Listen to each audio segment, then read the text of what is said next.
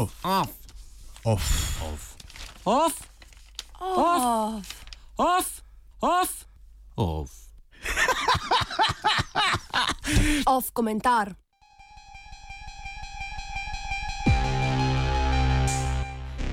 TBL iz Vatrica za DRM v Tri mesece po prvotno določenem roku, ki se je iztekel v začetku aprila, je sir Tim Berners-Lee, direktor konzorcija svetovnega spleta, krajše V3C, sprejel odločitev glede implementacije upravljanja z avtorskimi pravicami v HTML5 standard. Standard, ki določa način zapisovanja in prikazovanja spletnih strani, utegne dobiti, ukolikor bodo na odločitev že vložene pritožbe neuspešne, kriptirane medijske razširitve, z angliško kratico imenovane EME. Debata o njihovi upeljavi ima že dolgo brado in sega v leto 2012. Njihovi kritiki opozarjajo na, na spodkopavanje odprtosti spleta, interoperabilnost in neodvisnost od, od brskalnika, varnostne luknje, zmanjšanje zasebnosti in dostopnost vsebin. Preden zajadramo v povsem neznane vode tehnopravnega diskurza, pa nekaj obrazložitev.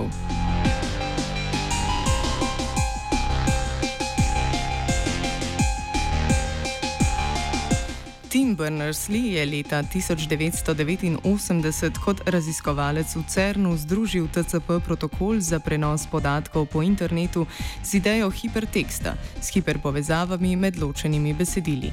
Opisal je HTML standard in razvil brskalnik za njegovo prikazovanje, k temu pa ga je gnal obup nad težavami pri izmenjevanju dokumentov prek interneta. Odprtost HTML standarda pa je bila tudi eden izmed pogojev za njegovo razširitev. Če drugim uporabnikom ne bi bil dostopen ali bi morali za njegovo implementacijo plačati, se vsekakor ne bi razširil do te mere, da danes nadomešča ali vključuje druge internetne storitve.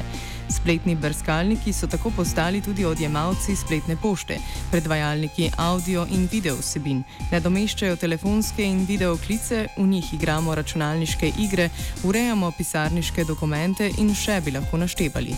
Za razvoj svetovnega spleta je angliška kraljica Timo Berners-Lee pripela plemiški naziv. Nedavno pa je za svoje delo prejel tudi nagrado Elena Turinga, najprestižnejšo nagrado z področja računalništva.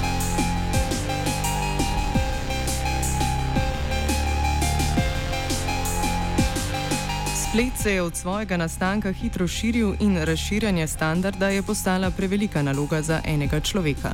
TBL je zato leta 1994 ustanovil konzorci svetovnega spleta in van povabil zainteresirane organizacije, ki jih v grobem lahko kategoriziramo na telekomunikacijska in računalniška podjetja, založnike in ponudnike vsebin, raziskovalne in izobraževalne ustanove ter različna interesna združenja. Predvsem med telekomunikacijskimi podjetji in distributerji vsebin najdemo tiste, ki jim odprtost in dostopnost ne dišita najbolj.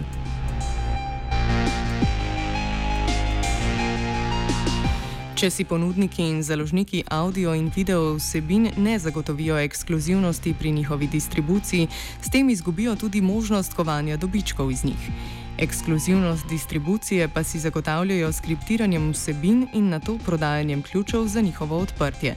Ne glede na opozorila, ki so se skoraj že izpela, da bodo založniki za svoje dejavnosti potrebovali nov poslovni model, saj moderna tehnologija omogoča praktično brezplačno kopiranje in izmenjavo, pa slednji raje tiščijo glavo v pesek in še naprej bijajo svoj boj proti vsem oblikam piratstva, kamor sodi tudi upeljava kriptiranih medijskih razširitev.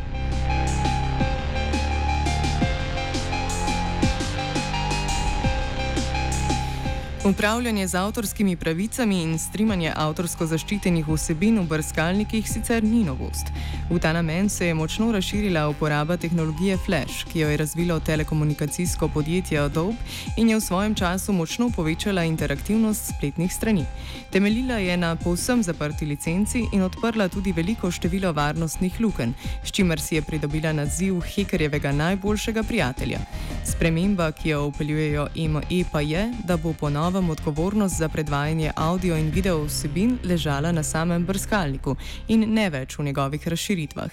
EME določa načine, kako v brskalnik upeti zunanjo programsko opremo za dekripcijo vsebine, ki pa bo nujno zaprtokodna in izdelana po naročilu ponudnikov vsebin. Pri V3C v njih vidijo nekakšen kompromis med odprtostjo in zadoščanjem avtorskemu pravu. Če svetovni splet za svoj uspeh dolguje svoji odprtosti, se moramo vsekakor vprašati, kateri argumenti so njegovega varuha prepričali, da poklekne pred interesi velikih založnikov in IT korporacij. Kot je zapisal na svojem blogu že marca, ko smo to temo obdelali v Tehnoklisteriju z naslovom DRMR, je svojo naklonjenost ME argumentiral s tem, da je bolje imeti stol za mizo, kot pa prepustiti ponudnike vsebin, da razvijajo svoje implementacije za upravljanje avtorskih pravic. A močan lobby, ki ga sestavljajo Apple, Google, Microsoft, Netflix, Ameriška filmska zveza in drugi, je imel v rokavu več asov.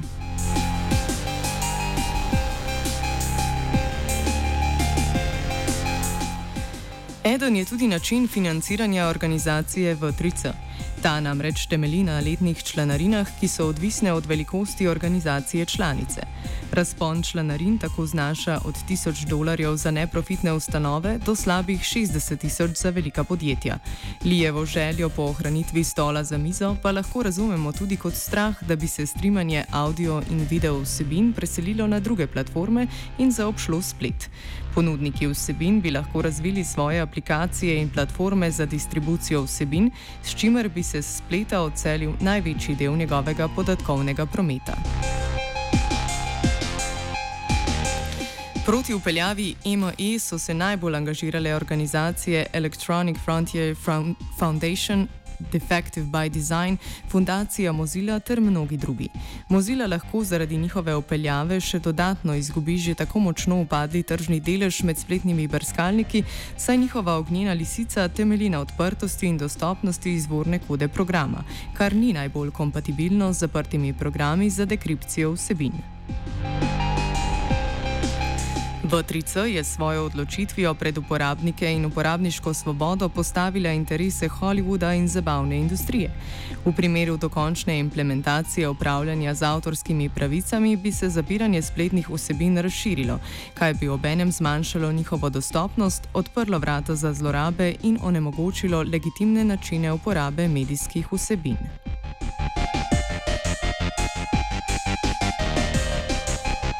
Komentiral je nový.